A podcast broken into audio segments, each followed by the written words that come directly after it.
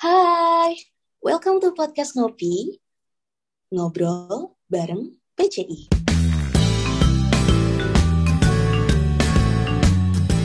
Halo semua, balik lagi bareng aku, Sasa.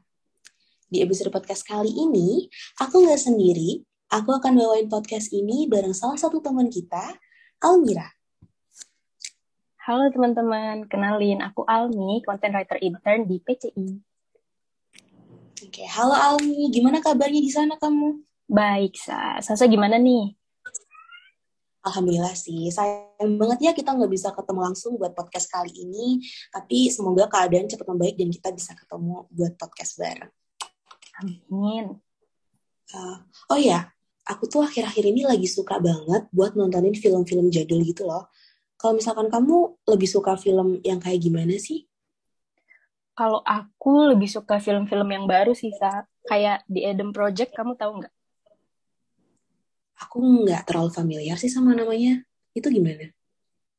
Um, itu lebih ke time traveling gitu loh, yang baru ada di Netflix. Oh gitu. Oh iya, aku inget, aku inget banget lihat kayak posternya Netflix di salah satu instastory temen aku. Tapi yang bikin aku tertarik adalah aku kan nontonin ulang nih film-film Disney princess yang zaman dulu-dulu kayak Cinderella, Sleeping Beauty dan sebagainya. Kamu suka nggak sih film Disney? Hmm, dibilang nggak suka pasti bohong sih, karena semua orang kan asupannya nonton bener. film Disney ya dari kecil. Oh iya sih bener banget, kayak nggak ada, nggak mungkin ada orang yang nggak nonton film Disney. Kalau kesukaan kamu yang apa? Hmm, kayaknya aku paling suka Brave deh, yang karakternya tuh rambut merah, keriting itu, tahu nggak kamu? Yang pemanah bukan sih? Hmm, iya betul, yang dia nggak sengaja mengubah ibunya jadi beruang. Itu seru banget sih, Sa. Itu itu kayak adventure banget ya. Kalau misalkan kayak film-film princess yang kamu tau lah, feminim, lemah lembut, kayak gitu-gitu, kamu nggak terlalu suka atau lebih condong ke yang kayak brave gitu? Nah, kalau ini mungkin karena dulu aku tomboy ya pas kecil. Jadi kan pas oh, nonton, iya, fun fact ya, pas nonton Cinderella, okay. Snow White gitu, aku jadi nggak berkesan gitu loh, kayak kurang cocok aja sama karakter aku pas kecil. Kalau hmm, kamu gimana? Iya, iya. Aku suka banget sih jujur, hmm. kayak bahkan aku membayangkan aku jadi mereka itu aneh banget tapi ya anak kecil. Cuman karena aku nonton uh, film itu lagi kan gini film yang sama kalau ditonton orang yang sama tapi usianya udah beda kan pasti beda kan kesannya. Nah satu pertanyaan yang muncul di benak aku adalah kenapa di setiap film Disney apalagi yang era-era zaman dulu 1920 1930 kayak Cinderella dan Snow White itu tuh si highlight story-nya ini tuh berubah dari yang awalnya kita nge-highlightin si princess ini, gimana mereka struggling sama kehidupan, tiba-tiba muncul satu tokoh utama pria yang datang dan jadi highlight story-nya gitu. Aku bingung, bahkan kayak, ah kok jadi gini gitu, menurut kamu gimana? Iya, aku juga sadar banget sih atas alur itu. Menurut aku, karena hmm. emang uh, peran gender pada saat pada era tersebut ya dari 1930-an sampai 1950 itu uh, emang menempatkan perempuan sebagai orang yang submisif dan um, disayang oleh laki-laki gitu sih menurut aku. Oh, jadi lebih ke objek kasih sayang dan ya aku tahu sih. Tapi menurut kamu nih dengan film yang kayak gitu, apa sih pengaruhnya ke apa ya cara pandang penontonnya maksudnya aku tahu gitu kamu barusan bilang fun fact kamu tomboy. Tapi kan kamu nonton itu dan kamu juga nggak terlalu relate. Tapi menurut kamu nih uh, dari tontonan kayak gitu bisa nggak sih kayak ngerubah cara pandang penontonnya untuk kehidupan mereka gitu? Hmm bisa banget. Apalagi target Disney Princess ini kan anak kecil ya. Ya anak kecil hmm punya pendirian apa sih gitu kan jadi pasti iya. pandangan-pandangan mereka ke kehidupan mereka tuh uh, terpengaruh banget nih sama film-film yang mereka konsumsi contohnya kayak kamu sih sa kayak abis nonton film Disney kan jadi terbayang-bayang tuh ih gimana ya kalau suatu hari aku diselamatin pangeran segala macem dan iya, aku ngerasa banget teman-teman aku juga dulu pasti punya pandangan kayak gitu. Mungkin aku juga um, pada satu waktu pernah punya pandangan itu ya. Jadi menurut aku memang berpengaruh banget sih ke target audiensnya ini.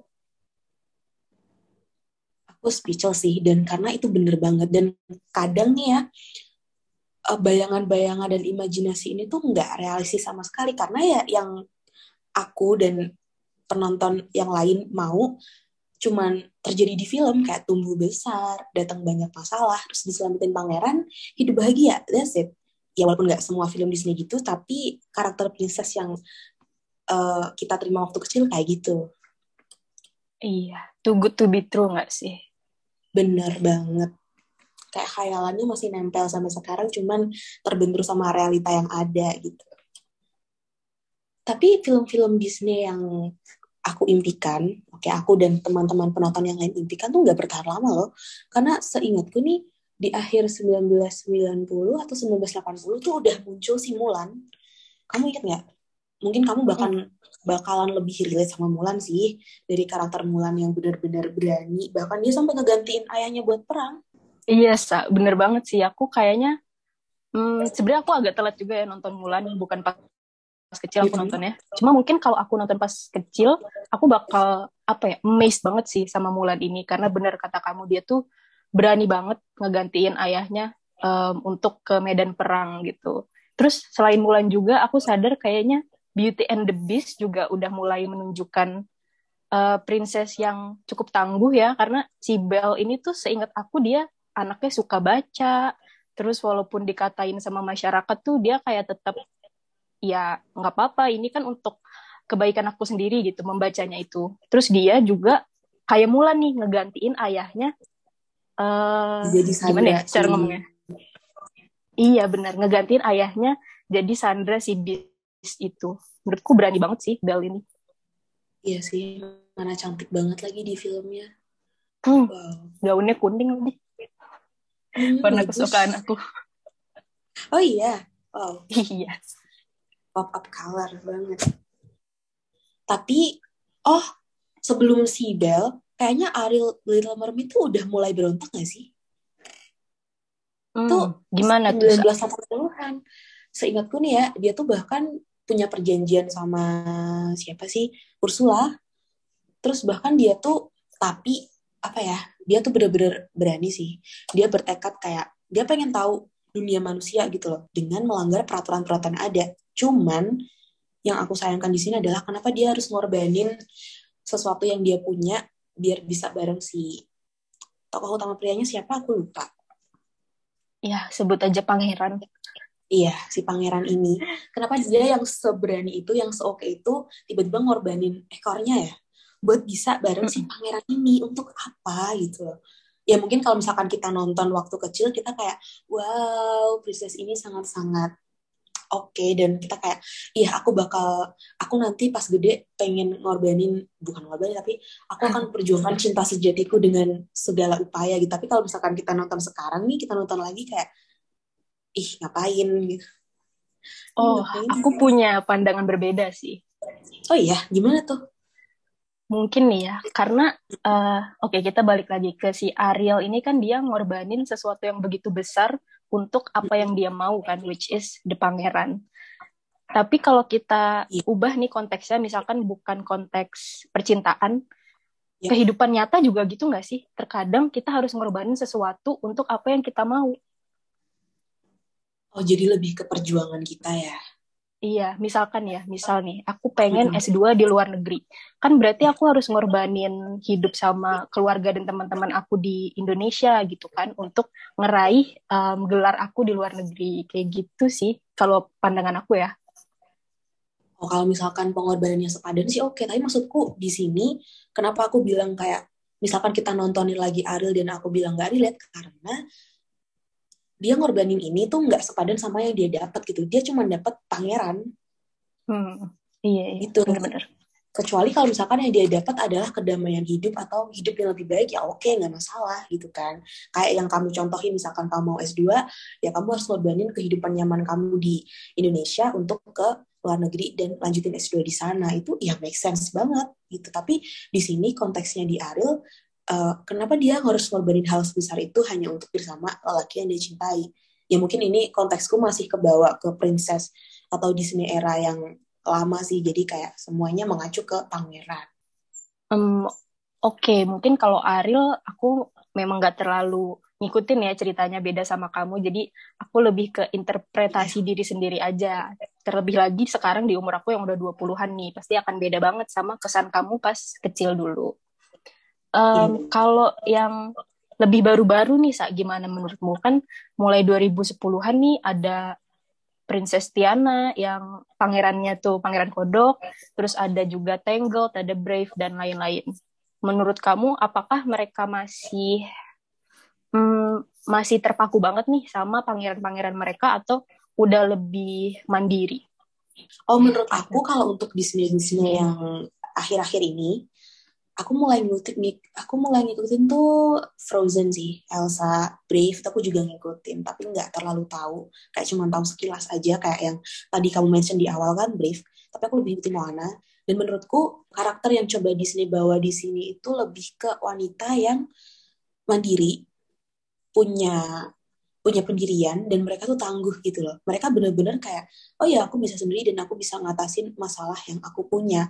Dan menurutku di sini Disney tuh mencoba untuk menggambarkan ya wanita-wanita zaman sekarang di mana kita dan generasi-generasi mungkin yang lebih tua dari kita 5 sampai 10 tahun ya udah kayak si princess Disney yang mereka punya di film itu gitu. Dan satu lagi sih, kalau misalkan kita lihat nih ya uh, film-film film-film Disney zaman dulu tuh princessnya mukanya hampir sama semua kayak karakteristik fisiknya tuh hampir sama semua iya kan kayak yang cantik putih rambutnya gimana. Tapi kalau yang sekarang kita bisa lihat kayak lebih banyak dan beragam gitu loh. Entah ada yang uh, rambutnya gimana kulitnya berwarna dan sebagainya. Kalau menurut kamu gimana?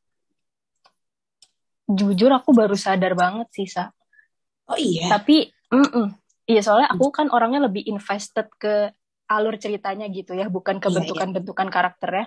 Tapi aku iya. setuju yeah. banget kalau kita lihat Snow White, Cinderella, terus Belle itu kan mereka tipikal um, orang putih, orang kulit putih gitu ya. Yes. Tapi mulai Mulan nih, Mulan itu kan Asian, terus juga ada Princess Jasmine, dan baru-baru ini yang paling baru kan ada Raya and the Last Dragon tuh itu aku setahu aku mereka ngangkat cerita itu tuh terinspirasi dari budaya Asia Tenggara uh bangga banget gak tuh kita? Asia Tenggara loh. Bangga banget pastinya. Berarti ini si Disney tuh lebih ke ya benar sih menggambarkan keadaan masyarakat sosial saat ini. Pintar banget ya mereka bisa dapat nonton ya kalau nggak gitu siapa yang mau nontonin sih? Ya banyak iya. cuman Iya pasti ada, cuman pasti banyak banget kritik yang bakal dia terima. Betul, ini menurut aku bukan strategi Disney doang, tapi memang industri film pada umumnya ya, karena mereka kan pasti punya target audiens tertentu. Tapi kamu ini gak sih, ngikutin gak sih yang film-film Disney yang dirombak akhir-akhir ini? Bukan akhir-akhir ini sih, kayak beberapa tahun yang lalu yang Aladdin, terus apa lagi yang dirombak? Ariel tuh kayaknya mau dirombak deh entah dibikin hmm. versi aslinya atau gimana gitu aku lupa cuman kayaknya emang bener-bener banyak banget usaha yang uh, Disney ini punya. Ya sebenarnya bener kata kamu industri perfilman permusikan dan sebagainya itu pasti punya strategi. Tapi karena kita lagi uh, ngomongin Disney jadi aku bakal mention Disney. Kayaknya banyak banget usaha yang mereka lakukan gitu. Supaya si karakter-karakter princess yang udah mereka buat dari zaman dulu nggak pernah mati dan selalu diingat sama semua orang. Terutama ya sasaran audiens mereka gitu Iya, aku kebetulan ngikutin sih. Malah aku lebih ngikutin film live actionnya daripada um, kartun yang dibuat dari zaman dulu. Iya, kayak Mulan, Beauty and the Beast, itu aku um, lebih nonton ke live actionnya. Mungkin kita ambil contoh Mulan lagi kali ya. Iya, yeah, oke. Okay. Itu di live action, uh, hmm. menurut aku malah dia nggak terlalu uh, apa ya film live actionnya ini nggak terlalu membawa percintaan gitu. Karena kalau yang di kartun kan oke okay, Mulan nih pemberani uh, nyemplung ke perang tapi at the end dia juga jatuh cinta nih sama seorang seorang apa ya namanya kalau di sana? Uh, prajurit warrior gitu. Dia jatuh cinta. Nah kalau yang di live action ini oke okay, dia naksir. Tapi nggak uh, filmnya ini nggak fokus ke happy ending untuk mereka gitu loh. Seingat aku uh, in the end mereka cuman oke okay, uh, ketemu lagi ya kapan-kapan.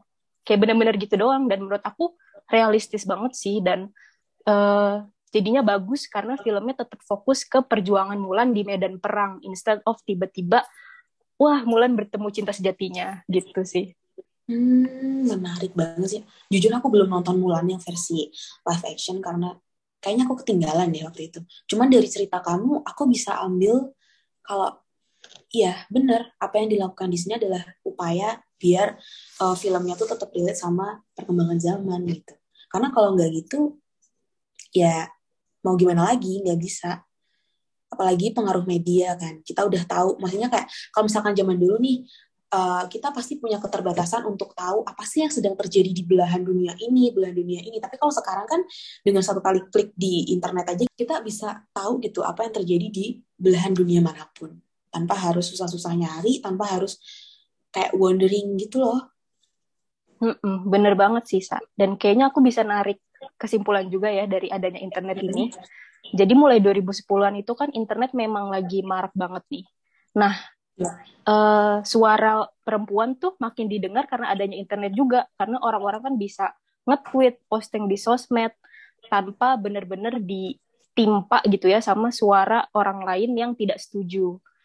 Nah, karena munculnya suara-suara perempuan ini, si Disney juga jadi bisa ngikutin perkembangan zaman. Kayak sekarang tuh peran-peran gender lagi kayak gimana dan mereka akhirnya bisa shifting tuh yang awalnya dari uh, bener-bener ngerepresentasiin perempuan sebagai orang yang submisif segala macem mereka si Disney ini jadi ngerepresentasiin perempuan sebagai orang-orang yang berani punya suara dan uh, ya basically berani bertindak lah kayak gitu. Oh satu hal sih. Jadi sebenarnya tanpa kita harus baca sejarah gimana revolusi gender dari kita nontonin film Disney dari era pertama sampai era sekarang kita bisa ngikutin gimana uh, revolusi gender atau peran gender ini berubah. Iya nggak sih? Iya bener banget sa. Wah aku punya satu pertanyaan nih buat kamu. Menurut kamu uh, revolusi gender yang dibawa sama Disney atau yang mereka taruh di setiap movie mereka film-film princess mereka Menurut kamu itu gimana sih? Apa pendapat kamu tentang hal itu gitu? Apakah itu merupakan satu hal yang baik atau malah menjadikan Disney ini tuh nggak konsisten sama karakter-karakter yang mereka bentuk di awal?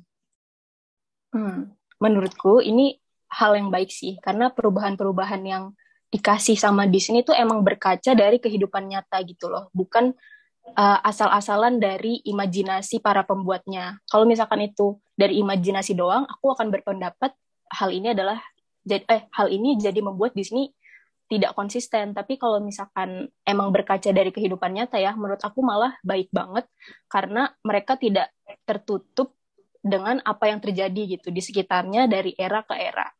Nah, balik lagi ke yang kamu bilang juga, ini bisa iya. ngajarin orang-orang tentang revolusi gender tanpa harus tahu eh tanpa harus baca-baca mungkin buku atau jurnal-jurnal sejarah gitu ya.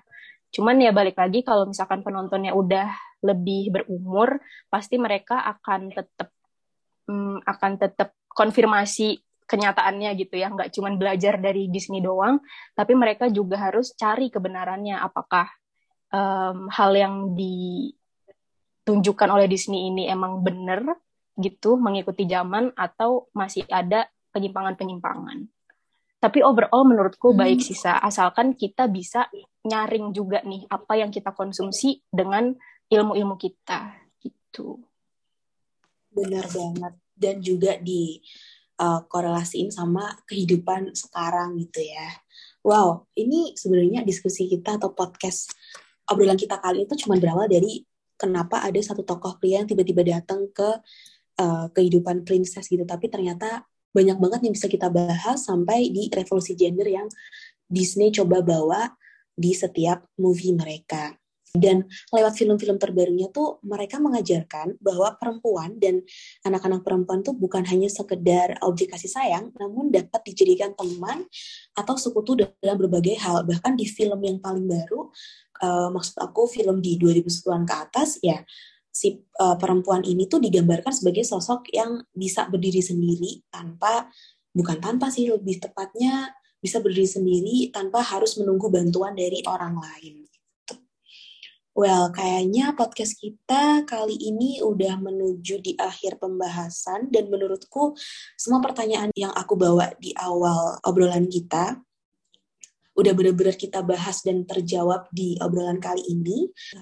Dan uh, si Disney ini tuh lewat film-film uh, mereka yang era pertama, mereka benar-benar menunjukkan bahwa di saat itu kondisi sosial masyarakat memang uh, seperti itu. Memang perempuan digambarkan sebagai kaum yang lemah dan sosok seorang ibu rumah tangga. Namun di era pertengahan nih, di era rebel, mereka menggambarkan bahwa perempuan ini tuh bisa jadi sekutu dan teman untuk berbagai hal.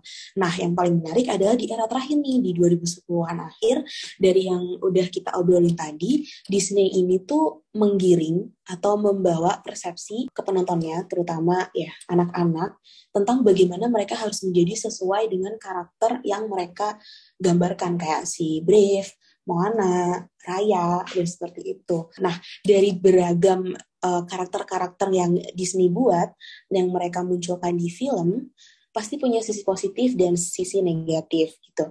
Makanya penting bagi kita untuk menikmati hiburan ini sambil memilah mana yang harus dijadikan panutan dan mana yang harus dibuang.